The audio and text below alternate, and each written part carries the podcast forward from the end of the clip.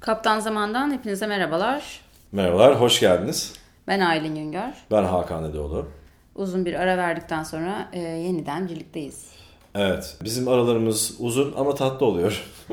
evet, az kitap okuyor gibiyiz daha çok. Yani evet, yani bıraktı, verdiğimiz izlenim öyle ama aslında hakikat o değil. Ee, ama şeyi fark ettim, bir yılda 6 program yapmışız. Orta, ortalamamız bayağı düşük aslında yani. Ee, çok daha geç başlamıştık ama tam evet. bir yıl değil. Evet doğru tam bir yıl olmadı. Neyse biz programımıza başlayalım. Evet. Ee, evet. Elimizdeki kitap ki önceki programlarda bu kitaptan... Küçük e, bir şey okumuştuk aslında. Evet. evet. Hayvanlar Ansiklopedisi. Evet, fasikül fasikül yayınlanmış bu zamanında. 66 yılında başlamışlar. Hayat yayınlarının hayvanlar ansiklopedisi olarak yayınlanıp bize de ciltli bir şekilde bir sahaftan düştü bu bir yıllar önce. Şimdi mesela elimizde bulunan fasikül ikinci fasikül. E, zamanında 3 liraya satılıyormuş bu fasikül. Ve kapağında bir şempanze var. Hayvanlar aleminin en zeki yaratığı diye lanse edilmiş. Kapak kızı olmuş. Kapak kızı olmuş gerçekten de öyle. Bu arada yani neredeyse hemen hemen her fasikülde sonuna doğru son sayfada e, hani böyle komik, ironik, birazcık da hüzünlü bir hikaye anlatılıyor hayvanlarla ilgili. Ee, yani sen gerçekten yaşanmış bir hikaye gibi ama hani gerçekten yaşandığına dair bir kanıt yok tabii ki. Bir de bu yerli ve milli hikayeler değiller bunlar. Türkçe'ye çevrilmiş. Orijinali nereden onu göremiyorum. Göremiyoruz ama yazarın da Charles Hall. Evet, bu eser Meral Gaspirali idaresinde bir heyet tarafından Türkçe'ye çevrilmiştir diyor. Bu geneli için. Ama yazı işleri müdürü Sezai Solelli. E, matbaa çok ilginç. 66 yılında İstanbul'da Tiftruk Matbaacılık Sanayi AŞ basım evinde basılmıştır. Nerede görüyorsun? Tiftruk. Ha. Matbaanın ismi ilginçmiş. evet. Ee, neyse Sezin'in okuyacağı bölümün adı, hikayenin adı Kahraman Ördek. E, altında ufak bir açıklaması var. Evet, paytak içgüdüsünün etkisiyle kuduz bir köpekle çarpışmıştı. Paytak. Paytak, isimli. Paytak isimli ördeğin hikayesini dinliyoruz. Dinliyoruz. Kahraman ördek. Bir pazar sabahı zil çalınca kapıyı açmaya koşan iki yaşındaki Suzy kapının eşiğinde sepetinin içinde büzülmüş bir ördek yavrusu buldu. Hayvancık boncuk gibi bir çift gözü ve kehribar renginde gagası olan sarı bir tüy yığını halindeydi. Ördek yavrusu biraz büyüyerek sepetten çıkıp evin içinde Suzi'nin peşinden ayrılmaz olunca küçük kız sevincinden çılgına dönmüştü. Ördeğin de biricik sevgilisi Suzi'ydi. O nereye gitse arkasından geliyor, küçük kız koşmaya başlayınca da sarı bir top halinde yerlerde yuvarlanarak ona yetişmeye çabalıyordu. Suzi ördeğe paytak adını takmıştı.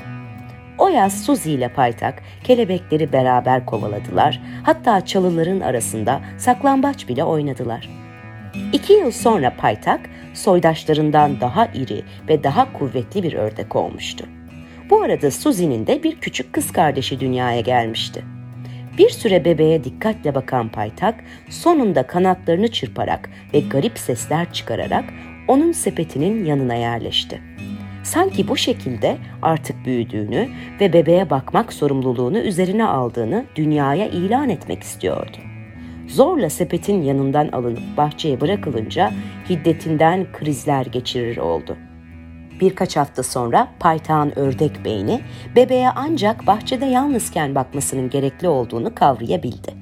Küçük yavrunun bahçeye çıkma zamanı gelince paytak kapının önüne dikilirdi Sonra bebek arabasının altına yerleşir ve etrafı dikkatle gözden geçirmeye başlardı. Suzy ile arkadaşları bahçe kapısını daima açık unuturlardı. Allah'tan paytağın sayesinde ne insan ne de hayvan hiç kimse bahçeye giremezdi. Günün birinde şehrin köpekleri arasında bir kuduz salgını baş gösterdi. Bir sabah bir arkadaşı Suzy'nin annesine telefon etti. Kuduz bir köpeğin sizin köşeyi döndüğünü gördüm aman dikkat edin diyordu. Kadıncağızın hemen bahçe kapısı hatrına geldi. Kim bilir belki de çocuklar onu gene kapamayı unutmuşlardı. Hemen bahçeye koştu. Daha bebeği göremeden paytağın vahşi vahşi tısladığını işitti. Bebeğin birkaç metre ilerisinde sabit bakışlı ve salyalı ağızlı bir köpek duruyordu. Paytakta kanatlarını açmış vaziyette onun üzerine yürüyordu. Elinde süpürge olan hizmetçi genç annenin hemen arkasındaydı. İki kadın süpürgeyi siper ederek ilerlediler ve bebeği evin içine kaçırdılar. Sonra vakit kaybetmeden polise telefon edildi. Bahçeden akseden korkunç seslerden paytağın hala kuduz köpekle boğuştuğu anlaşılıyordu. Birbirlerine sarmaş dolaş olmuş vaziyette basamaklara ve kapıya çarpıyorlardı. Derken paytağın acıyla tısladığı duyuldu. Evde tabanca da yoktu. Polislerse belli ki zamanında yetişemeyeceklerdi. Genç anne içinden paytağın tehlikeyi anlayıp kaçması için dua ediyordu. Fakat aynı zamanda onun kaçmayacağını da biliyordu. Düşmanını bahçeden kovmadıkça mağrur ördeğin içi rahat edemezdi. Dışarıdaki gürültüler gitgide azalıyordu. Derken bir silah sesi duyuldu. Biraz sonra kapıyı çalan polis genç kadına dışarıdaki sahneyi hayatınızda bir daha rastlayamazsınız dedi. Bahçenin altı üstüne gelmiş, çiçekler harap olmuştu. Sandalyeler ve bebeğin arabası da devrilmişti. Yerde kırmızı lekeler göze çarpıyordu. Paytak, bahçe kapısının önünde kanatları açılmış vaziyette ve gagası kanlar içinde yatıyordu. Köpeğin ölüsü ise bahçenin dışındaydı. Polis genç kadına köpeğin parçalanmış başını göstererek gördüğünüz gibi aslında tabancaya pek lüzum yokmuş dedi. Paytak, yabani atalarından kendisine miras kalan bir içgüdünün etkisiyle düşmanını kutsal saydığı bahçeden kovuncaya kadar çarpışmış ve bu uğurda can vermişti. Cesur Ördek Payta e, buradan selamlarımızı gönderelim. Kendisini bu onurlu mücadelesinde tebrik ediyoruz. Gerçi hayatına mal olmuş ama. Ha, çok acıklı hikaye. Çok acıklı canım. Evet. Ee, sıradaki hikayemiz 1786'da Türkiye isimli bir gezi yazısı. Yani bir seyahatname aslında. Seyahatname aynen. Elizabeth Craven 1786'da Türkiye'deymiş, bir süre geçirmiş Ee, ve Reşat Ekrem Koçu da onun mektuplarını ve yazdığı seyahatname çevirmiş Türkçe'ye ve Sertel matbaasından da 1939'da basılmış. Anlatmaya çalışmak yerine belki Reşat Ekrem Koçu'nun ön sözünü okuyabiliriz. Elizabeth Craven 1750'de doğmuş. 18 doğdu. Reşat Ekrem bahsediyor pardon. Doğmuş diye çevirmiyorum. Doğdu. 1882'de öldü. Lord Craven'dan boşandıktan sonra küçük Alman hükümdarlarından Ansbach Bayreuth Margrafi Frederick ile evlendi. Prens Frederick Prusya Kralı Büyük Frederick'in yeğeniydi. Sahip olduğu iki prensliği 1791'de Prusya Kralı'na satarak zevcesiyle beraber İngiltere'de yerleşmiş ve 1806'da ölmüştü. Elizabeth ilk kocasından ayrılacağı sırada uzun bir seyahate çıkmıştı. 1785 Haziran'dan 1786 Ağustos sonlarına kadar geçen zaman içinde Lyon, Marsilya, Cenevre, Pisa, Cenevre değil Ceneve, Pisa, Floransa, Polonya, Venedik, Viyana, Varşova, Petersburg, Moskova üzerinden Kırım'a, Kırım'dan İstanbul'a geldi. Yalnız güzel gezmiş. Evet. Buradan Yunanistan'a kadar gidip geldikten sonra Bulgaristan, Eflak, Transilvanya üzerinden Anspach'a gitti. Bu seyahat esnasında da Prens Frederick'e seyahat mektupları gönderdi. Ben bu mektupların içinden memleketimize alakadar eden bazı parçaları 1786'da Türkiye adıyla lisanımıza naklettim. 1786 Nisan'ından Temmuz sonuna kadar Türkiye'de bulunan Elizabeth Craven'dan bir asır kadar sonra İstanbul'a gelmiş bir İtalyan ressamının C. Biseo'nun tabiat üzerinden yapılmış birkaç resmini de yine vesika telakki ederek bu kitaba ilave ettim. İçerisinde e, C. Biseo isimli ressamın resimlediği e, 23 resim var bu arada. Tabiat üzerine yapılmış. Hep böyle İstanbul'dan anlar. Tophane Amire'nin orada meşhur çeşme, Türk gemileri, sütçüler, Sultanahmet Camisi'nin kapısı, bir Tatar sokaktaki bir Türk kadını, tahtrevan Türk kadını tiplemeleri, Üsküdar'da bir sokak gibi çizimleri var. Çizimler harika bu arada. Evet. Umarız yani görme fırsatınız olur. Ee, bu kitaptan e, sizin size aslında Kırım'dan İstanbul'a bölümünü okuyacak. Ee, yani aslında Elizabeth Craven'ın İstanbul'a ilk girişini ve giriş giriş esnasında İstanbul'u ilk gördüğünde yazdığı izlenimleri dinleyeceksiniz. Bir yabancının gözünden nasıl göründüğüne dair harika bir belge. Kırım'dan İstanbul'a 1786 Nisan'ının 13'ünde Kırım'dan ayrıldım. Gemimiz uygun bir rüzgara yelken açmıştı. İki gün gittikten sonra rüzgar kesildi. Üç gün, üç gece deniz ortasında çalkalandık durduk. Nihayet yağmurla beraber tekrar esmeye başlayan şimal rüzgarı bizi harekete geçirdi. Yağmur Türkiye sahillerini görmemize engel oluyordu. 24 saat boğaz ağzını seçemedik. Nihayet Büyükdere önünde demir attık. Ertesi gün kayıkla karaya çıkarak Bukolov'un evine gittik. Fakat Beyoğlu'ndaymış. Oraya da diğer bir Türk kayığıyla gittik. İstanbul'un insanı hayran eden görünüşünü Gebo'nun tarihinde okuyun. Onun o nefis ve muhteşem tablosunu pek zayıf bir şekilde kopya etmekten başka bir şey yapamayacağım. Kayalıklar, yeşillikler, eski hisarlar, modern köşkler, minareler, vadilerde ulu çınarlar, bu canlı ve neşeli sahil boylarında kayıklar ve bir insan kalabalığı. Türkler tabiatın güzelliğine o kadar hürmet ediyorlar ki evlerini yapacakları yerde bir ağaç bulunursa ağacı kesmiyorlar da evlerinin içinde ağaca bir yer ayırıyorlar. Ağaç dallarını çatılarının en güzel bir süsü sayıyorlar. Sahil boyunca her körfezde birçok Türk gemisi görünüyor. Direkleri ağaçlara karışmış, göze çarpan latif bir görünüş. Ben de Bukolov'un yanında bulunurken Fransız elçisi Chosil Joffy'nin adamı gelerek efendisinin davetini bildirdi. Chosil bir kıymet ve zarafet külçesidir. Fransız sefarethanesine yerleşmekle iki türlü haz duydum. Altı aydan beri hasta olan elçi benim yüzümden ziyaretleri kabul etmeye başladı. Gezintilere çıktı. Bu da iyileşmesine yardım etti. Şösil yanına bir artistler grubu toplamış. Onlara Asya ve Avrupa'nın yeryüzünde duran harabelerinin yağlı boya tablolarını ve resimlerini yaptırtıyor. Bunların içinde Kasas'ın adını zikretmeliyim. Resimleri adını ölmez yapacaktır. Kont Schössel'in koleksiyonu da kendi çeşidinde eşsizdir. Fransız sefarethanesi sağlam bir bina. Halbuki bu memlekette evler bir tiyatro dekoru kadar hafif yapılır. Pencerelerimden Halici, Marmara'yı, adaları ve sarayın bir kısmını görüyorum. Bir gün padişaha gümüş bir tahtın üzerine oturmuşken gördüm. Yanındakiler de bahçenin tahta kanepelerine oturmuşlardı. Manzara muhteşemdi. Bu bahçe kanepeleri hafif, yaldızlı ve zarif bir şekilde nakışlıydı. Sefarethanede çok güzel bir teleskobumuz var. Bununla Osmanlı ihtişamını pek mükemmel seyrediyoruz. Sultanın sakalı siyah, yüzünü genç gösteriyor.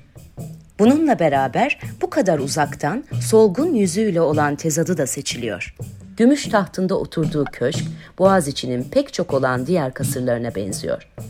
Beyoğlu ve İstanbul sokakları gayet dardır. Arabayla geçilmez. Her katta pencereler yolun üzerine doğru çıkar. O surette ki evin katları yükseldikçe evlerin üst katlarında oturanlar yolun iki kenarındaki iki evden uzanıp el ele tutuşabilirler.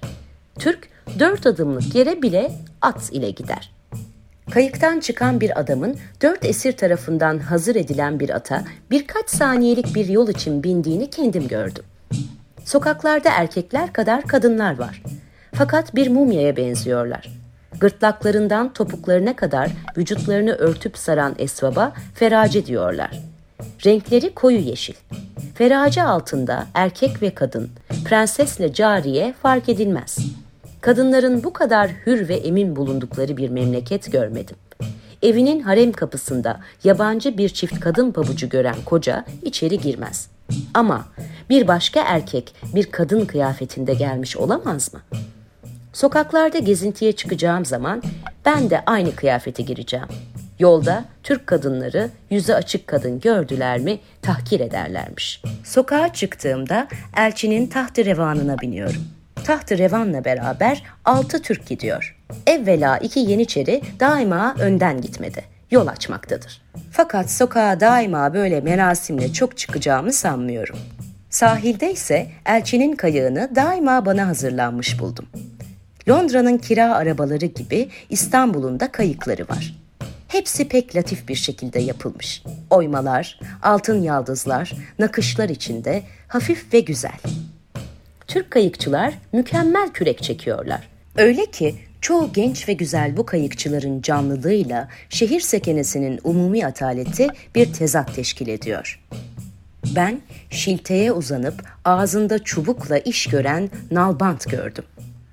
Öylelerini gördüm ki deniz kenarında oturuyor, gökyüzünde uçurtmaları yahut da kayıklara binip dolaşan çocukları seyrederek sabahtan akşama kadar koca bir günü geçiriyorlar. Osmanlı vükelasına gelince hep cahil adamlar. Vezir-i Azam vaktiyle şimdiki Kaptan Paşa olan Hasan Bey'in kayıkçısıymış. Hasan'ın kendisi de vaktiyle Cezayir'de bir köleymiş. Entrika burada insanı her mevkiye ulaştırıyor. Mevki için bir insanın soyunun ve kıymetinin rol oynamadığı bu memlekette buna karşılık devlet ricali olanların kafaları kolaylıkla kesiliyor. Kaptan Paşa'nın hükümdar üzerinde büyük bir nüfusu var. O İstanbul'dan çıktığı zaman padişah kendisini tehlikede sanıyor. Cesur ve şiddetli bir adam. Bir yangında vazifelerini gayretle yapmadıkları için ibret olmak üzere dört yeniçeriyi ateşin içine attıran bu adam yanında köpek yerine bir aslan gezdiriyor. Hatta bir gün aslanı divana bile götürür. Nazırlar dehşet içinde kalırlar. Bir kısmı pencereden atlayıp kaçar, bir tanesinin de bu sırada bir yeri kırılır. Kaptan Paşa o gün divanda tek başına kalır. Evet Kaptan Zaman'da yolumuza devam ediyoruz. Şimdi sırada üçüncü metnimiz var. Ee, Aylin ne var elinde? Ee, elimde benim doğum günü gömüklerimden biri var. Aile isimli bir dergi. Cem Mesele'nin hediye aldığı. Derginin adı Aile. Hani Aile. çünkü doğrudan Bir şey demek istiyorlar. doğrudan konuya giriyorlar yani. Evet 1950 e, kışında çıkmış bu dergi. Ev dergisi yazıyor ismi. Çok iyi. Yani bir araba dergisi, bir otobüs dergisi ya da bir vapur dergisi değil. Ha. Bir ev dergisi kendisi. İçindeki reklamlar çok efsane. Yani reklam dediğin şey böyle dümdüz ortaya metni yazmış. Ne gibi mesela? Mesela bütün büyük harflerle sonra küçük harflerle seyahatle ilgili muameleleriniz için sonra yine büyük harflerle Antaş Havacılık ve Turizm sonra yine küçük harflerle şirketi emirlerinize amadedir. Yani böyle kayboluyorsun okurken. Ha bu arada bir şey yok. Ee, herhangi bir görsel falan yok. Yok. Aylin okuduğu kadar reklam. Ve- Altında bir de bilet satış bürosu var. Galatasaray Meydanı Yeni Çarşı No 19'da bilet alıyormuşsun. Onu sana kibarca duyurmuşlar. Sonra kocaman yine kibar sabunları. Sabunların şahıdır. Yani basitmiş her şey. Çok hoşmuş aslında bence. Ee, No brainer. Bir cümle reklam hazır. Harika. Ve direkt anlıyorsun işte. Yani E, tabii bu canım. bir reklamdır. Al sana sabun. Sonra içinde mesela bir Fin hamamı röportajı var. Bunlar tabii hep Holiday dergisinden çeviriymiş mesela. Hep başka başka yerlerden aslında çeviriler şeklinde. Sonra işte Çocukta Korku isimli bölüm var. Ya kitabın sadece şurada Usanç diye bir yer var. Onun altına bir not almış. Usanç. Adam ama burada Arapça yazıyor galiba. Evet. Yani Arapça bir not almış kendi usancın altına. Yani neyden usandıysa. 1950 yılı ama yazılar 1949'a ait. Yani ilginç ilginç hikayeler var tabii içeride. Nasıl enteresan olursunuz öğrenebileceğiniz bir bölüm var. Ee, biz buradan küçük bir şey seçmişiz. Bunları biliyor muydunuz isimli.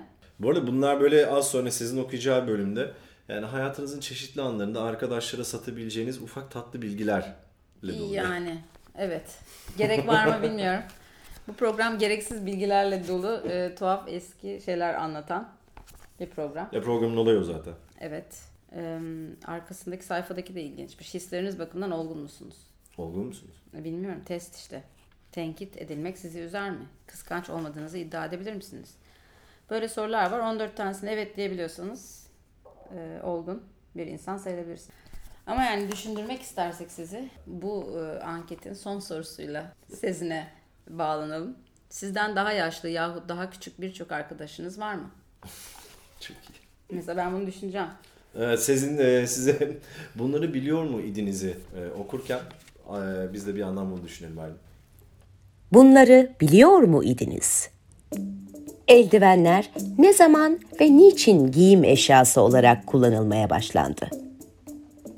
Orta zamanlarda erkekler vahşi kuş avına pek meraklı oldukları zamanlarda her lord ve şövalye ava çıkarken kendisine mahsus bir şahini dirseğine tünetir, atına biner giderdi.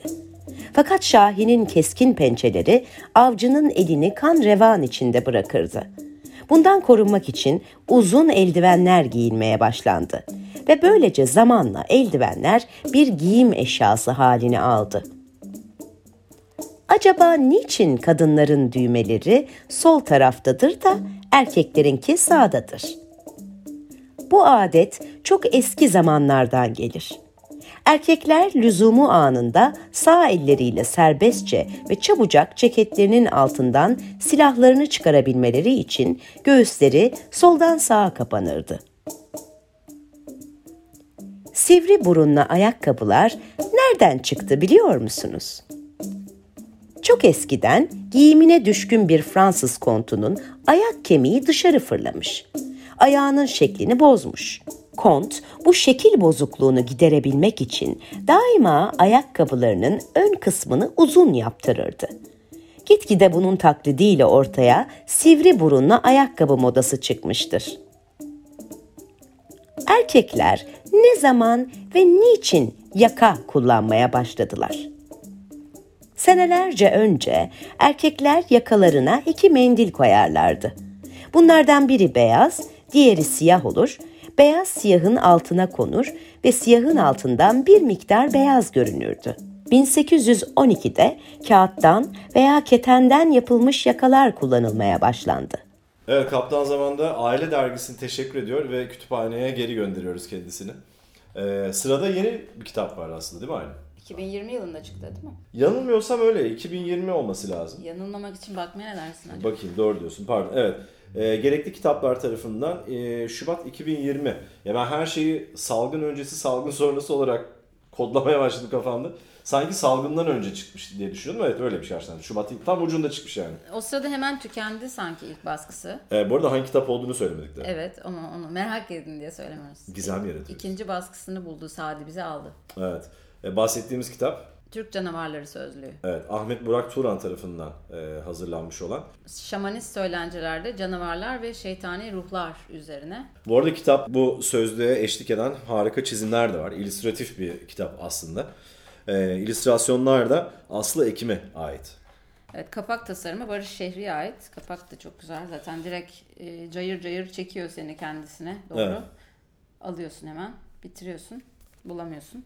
Biz ikinci baskıda bulabilmiştik. Çok eğlenceli bir kitap bence. Gerçekten de hani özellikle iblislere, canavarlara ilgi duyuyorsanız e, hani Türk tarihinde ve kültüründe nasıl yaratıklar varmış merak ediyorsanız bence harika bir sözlük. Yani aslında bu kitap anlatılmaz okunur e, diyeyim. Yani çok mesela obotlar, Obkan gibi e, daha önce hiç duymadığımız nefis yaratıklar ve iblislerle dolu. Yani bunlardan hangisini seçerdik tabii zor. Niye onu seçtik ben bilmiyorum. Galiba adına tav olduk seçtiğimiz e, yaratığın bir de yaptıklarına tav olduk. E, Yani çok var. Sadece bir çok fazla güzel yaratık ve canavar var ve hepsinin ayrı ayrı özellikleri var ya da hikayeler çok iyi. Ee, ama seçmek gerçekten zordu. Biz bence rastgele seçtik. Hepsinin ismi iyi. Neyse bakalım seçtiğimizi dinleyin. Mesela E, Trickster diye bir şey varmış. ne yapıyormuş peki? Çok bilmişliğin, hilekarlığın ve düzenbazlığın sembolü şeytani bir varlıkmış. Sonra daha devam ediyorlar. Ha, Sezin'e bırakalım. Sezin'e bırakalım. Sezin'e hınkır mınkır muydu? İşte dinliyoruz. Dinliyoruz. Hınkır Munkur Anadolu halk söylencelerinde yer alan doğaüstü kötücül bir yaratık. Yakaladığı insanları önce boğarak öldürür, sonra da yer. İnsana benzer. Fakat göbeğinde bulunan bir torbanın içinde yavrusunu taşır. Son derece iğrenç kokar. En korktuğu şey üzerine idrar yapılmasıdır. Böyle tehdit edilirse ortadan kaybolur. Halata Türk söylencelerinde saf kötülükle eş değer bir varlık olarak hal ata ismi anılır. Moğolca gal, ateş kelimesinden türemiştir ve görüntüsü anlatılırken ateşin rengi sık sık kullanılır. Kızıl renkli giysiler giyen kızıl gözlü bir adam olarak tasvir edilir.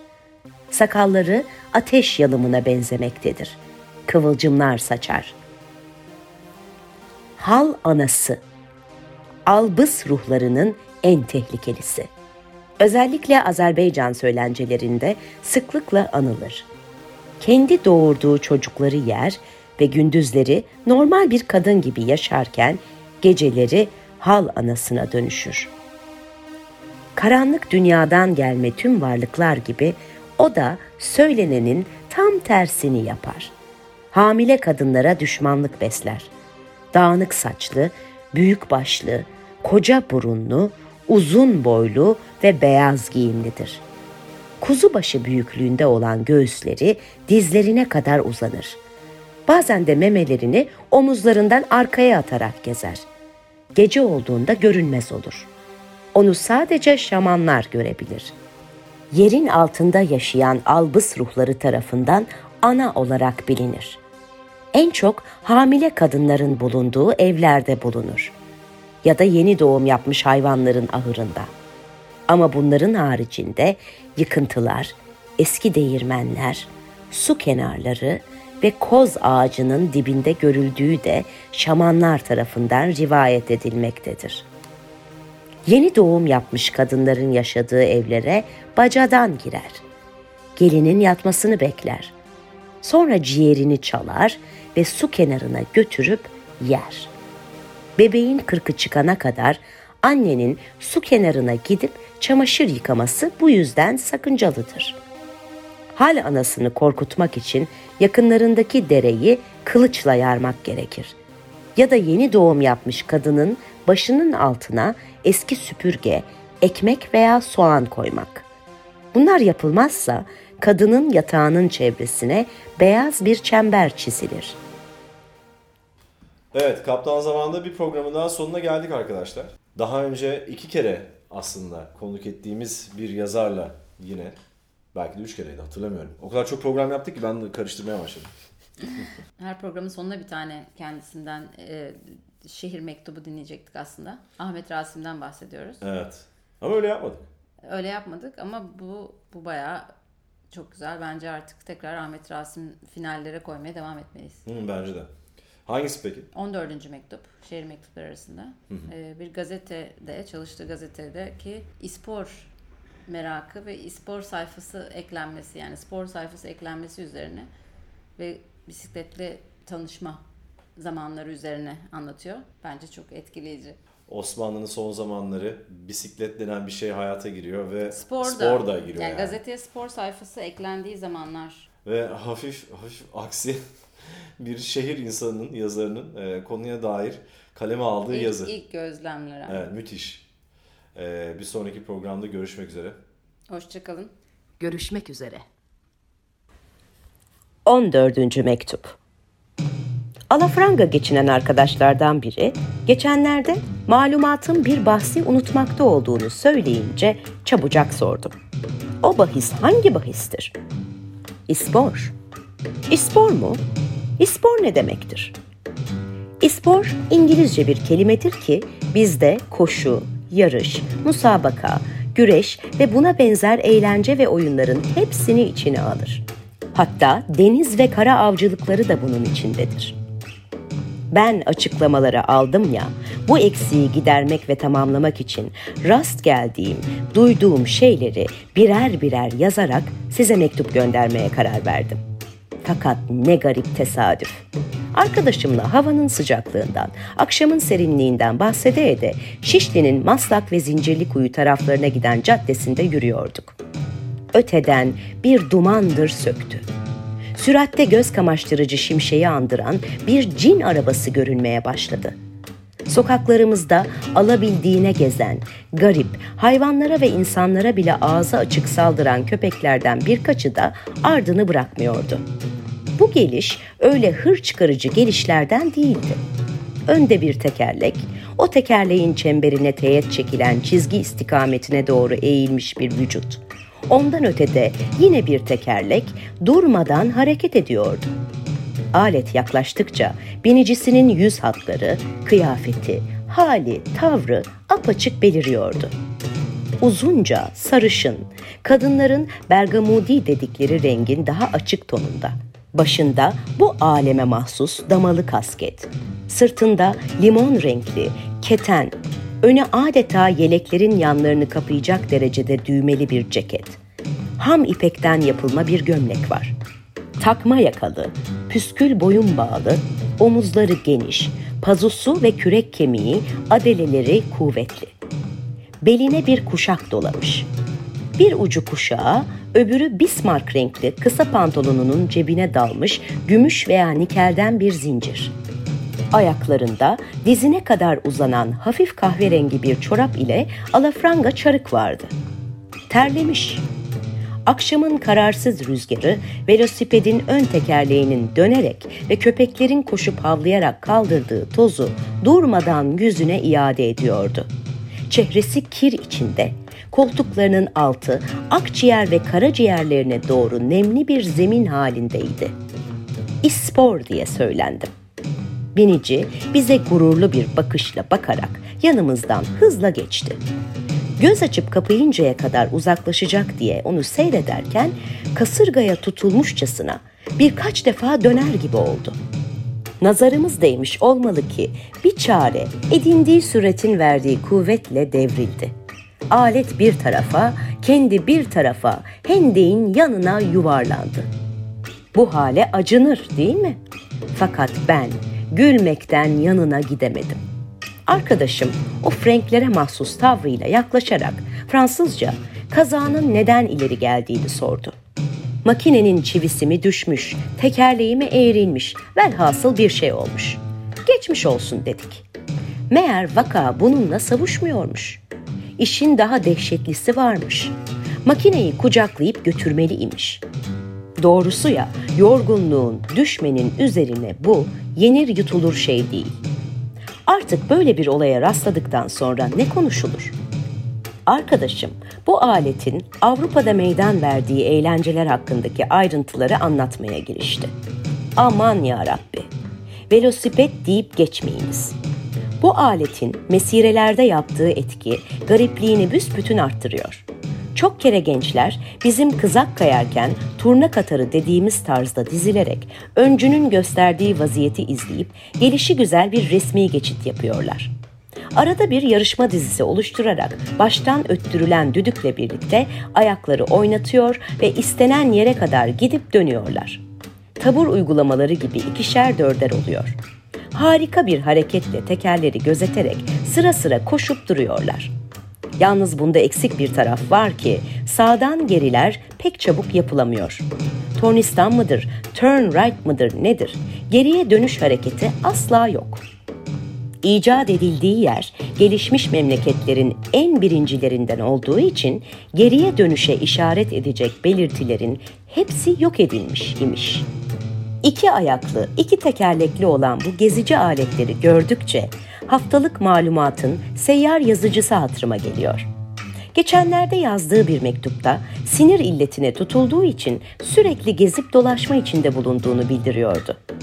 Sorup öğrendiğime göre velosiped sinirlerin düzelmesine deniz hamamlarından daha fazla hizmet ediyormuş. Bizim yazıcı için bunun kadar iyi, bundan daha lezzetli bir ilaç olamaz. Bir tane alsın.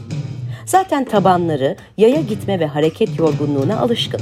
Bir taraftan gezer, hastalığın zorladığı şeylere uymuş olur, bir taraftan da kendisini tedavi eder. İkinci olarak her ay başı vereceği ayakkabı parasından kurtulur. Üçüncüsü ise her yere vakti vaktine yetişir. Hele dördüncü olarak malumatın seyyar yazıcısı velosipetlidir diye gazetesine şöhret kazandırır. Sanırım ki bu velosiped merakı bizim dağıtıcılara da bulaşacak. Eski dağıtıcılar ihtiyar, halsiz, koşamaz, bağıramazlar. Biraz gençleri de eskileri taklide mecbur olduklarından gazete satarak geçinen bir takım çığırtkan çocuklara yetişememektedirler. Benim fikrime kalırsa dağıtıcılarımız o baldırı çıplaklarla rekabet için mutlaka velosiped kullanmalıdır. Çünkü hem rahat hem de faydalı. Thank you.